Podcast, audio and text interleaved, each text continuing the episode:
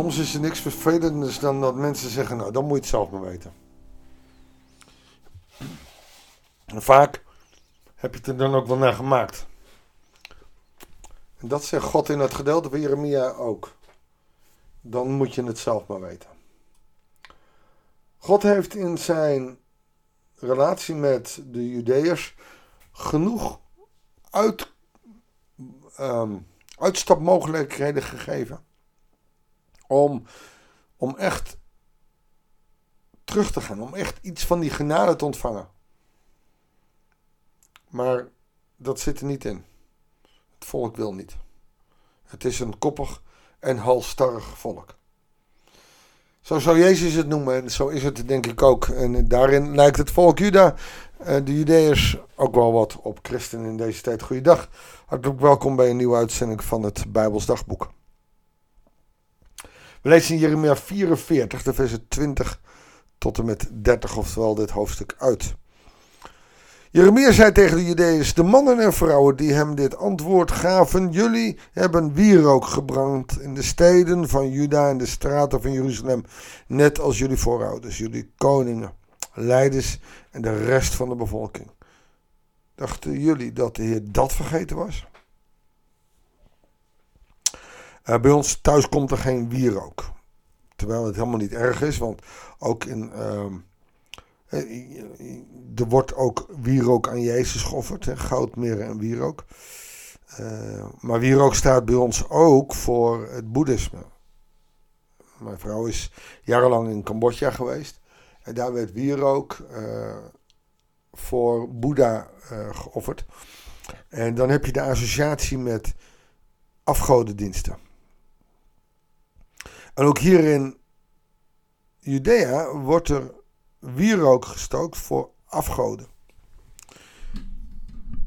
Een van de redenen waarom wij geen wierookstokjes in huis hebben. We hoeven geen offerstokjes uh, meer te brengen voor God. We hoeven geen wierookoffers meer te brengen. We mogen gewoon in gebed gaan. En als je daarbij een geurstokje wil gebruiken, is wat mij betreft helemaal goed. Maar hier wordt het dus gedaan voor de verkeerde goden. En dachten jullie dat de Heer het vergeten was? Dat hij seniel is? Dat, hij het, dat het hem onverschillig laat? Nee, hij heeft tot nu toe niks gezegd, maar nu. Nee, de Heer kon jullie kwalijke praktijken en gruwelijke daden niet langer verdragen. En daarom ligt jullie land nu in puin en is het een woestenij geworden waar niemand meer woont en wordt de naam ervan als een vloek gebruikt. Oftewel, hier legt Jeremia de schuld duidelijk bij het volk neer. Het is veel makkelijker om te zeggen, nou God heeft het volk in de steek gelaten. Kijk eens van een puinhoop. Nee, het volk heeft er een puinhoop van gemaakt en dus is het land ook een puinhoop. De schuld ligt niet bij God. En dat is voor heel veel situaties wel van groot belang. De schuld ligt nooit bij God. God is een God van liefde. God is een God van genade. En heeft het beste met ons voor. Maar als je er ook echt een potje van maakt, nou dan. En dat is dan weer in het Oude Testament anders dan in het Nieuwe Testament. Maar ook in het Nieuwe Testament is een strenge, edoch liefdevolle, maar in zijn liefde ook hele strenge God. En ik denk dat we dat niet moeten vergeten omdat jullie door weer ook te branden tegen de Heer hebben gezondigd, hem niet hebben gehoorzaamd en zijn voorschriften, wetten en bepalingen niet hebben nageleefd. Daarom is dat onheil over jullie gekomen. Punt. En Jeremia vervolgde tegen de Judeërs en hun vrouwen: Luister naar de woorden van de Heer Judeërs in Egypte. Dit zegt de Heer van de hemelse machten, de God van Israël. Jullie en je vrouwen hebben de gelofte gedaan en zijn die ook nagekomen de gelofte tegenover de vreemde goden. Jullie zeggen, wij hebben die gelofte afgelegd dat wij voor de koningin en voor de hemel wierook zouden branden en dat wij haar wijnoffer zouden brengen. Wij komen onze gelofte na. Nou, dat moet je dan vooral doen. Kom je gelofte maar na. Nou, als je dus ergens in de Bijbel sarcasme voelt, dan is het in dit zinnetje. Jo, moet je vooral doen. Doe maar. Doe maar. Maar Judeërs in Egypte, luister dan wel naar de woorden van de Heer. Ik zweer bij mijn grote naam, zegt de Heer, Dat er nergens in Egypte nog Judeërs zullen zijn die mijn naam uitspreken in die eet. Zo waar God de Heere leeft. Kijk, daar heb je hem. Zelfs in de politiek. Zo waar helpen mij God almachtig. Zo waar God de Heer leeft, zal ik dat doen. Zweren in zijn naam. Dan moet je wel in hem geloven. Ik ben op hun ondergang uit, niet op hun redding. Alle Judeërs in Egypte zullen sterven door het zwaard en de honger, tot Juda uitgestorven is.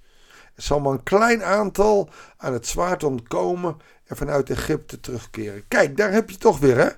Er een klein aantal, dus er is genade.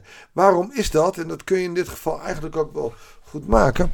Als er een klein groepje teruggaat naar Jeruzalem, die al de ellende heeft gezien, dan kunnen die getuigen van hoe streng God is. Als je in Egypte iedereen uitmoordt, dan zul je op een gegeven moment niet meer kunnen zeggen: van, ja, nou ja, goed, God is heel streng. Dat kun je niet meer overeind houden, want uh, je weet het niet. Dus er blijft een klein groepje over die zal zeggen uh, tegen de mensen in Jeruzalem: maar wat God doet, dat doet hij dan ook echt. Om jullie duidelijk te maken, spreekt de Heer, dat ik jullie hier zal straffen, dat het onheil dat ik jullie aankondig werkelijk komt, geef ik jullie het volgende teken. Heads! Hij geeft ook nog uh, een teken ook. Dit zegt de Heer. Ik lever Farao Gofra, de koning van Egypte, een machtig man, uit aan zijn vijanden, die hem naar het leven staan. Zoals ik koning Sedekia van Juda heb uitgeleverd aan de koning Nebukadnezar van Babylonië, zijn vijand, die hem naar het leven stond. Dat zal het teken zijn. Zelfs de farao, nou, een godgelijke man die, die zichzelf de goddelijke status gaf, vandaar ook de piramides.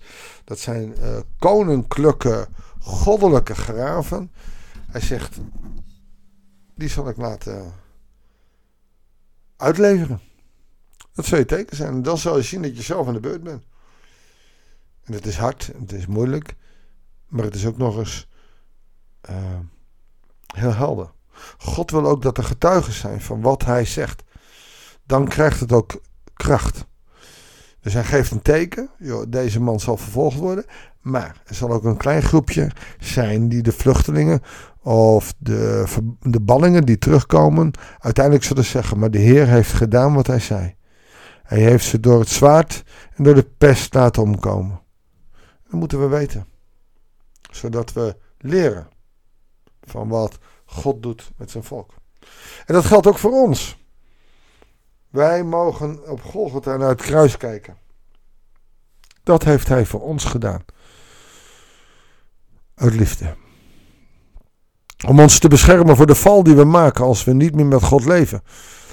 Maar als we in God geloven, dan zal zijn liefde zo groot zijn. Want al zo lief heeft God de wereld gehad, dat hij zijn enige geboren zoon gegeven heeft voor jou, luisteraar. Opdat als jij in hem gelooft, eeuwig leven zal ontvangen. Zullen we God daarvoor danken?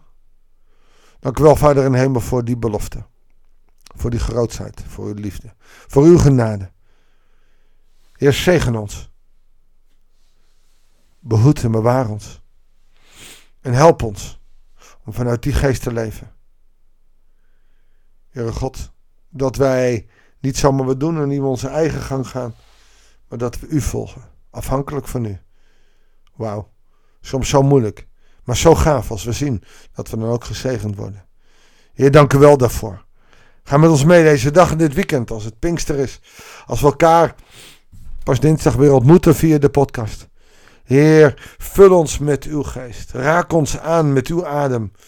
Opdat wij vol zijn van u. Dat bidden wij u in Jezus' naam. Amen.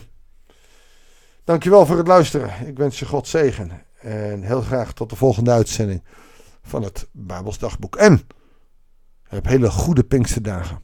Zoek, zoek de geest en laat je volmaken. Ik zie je dinsdag.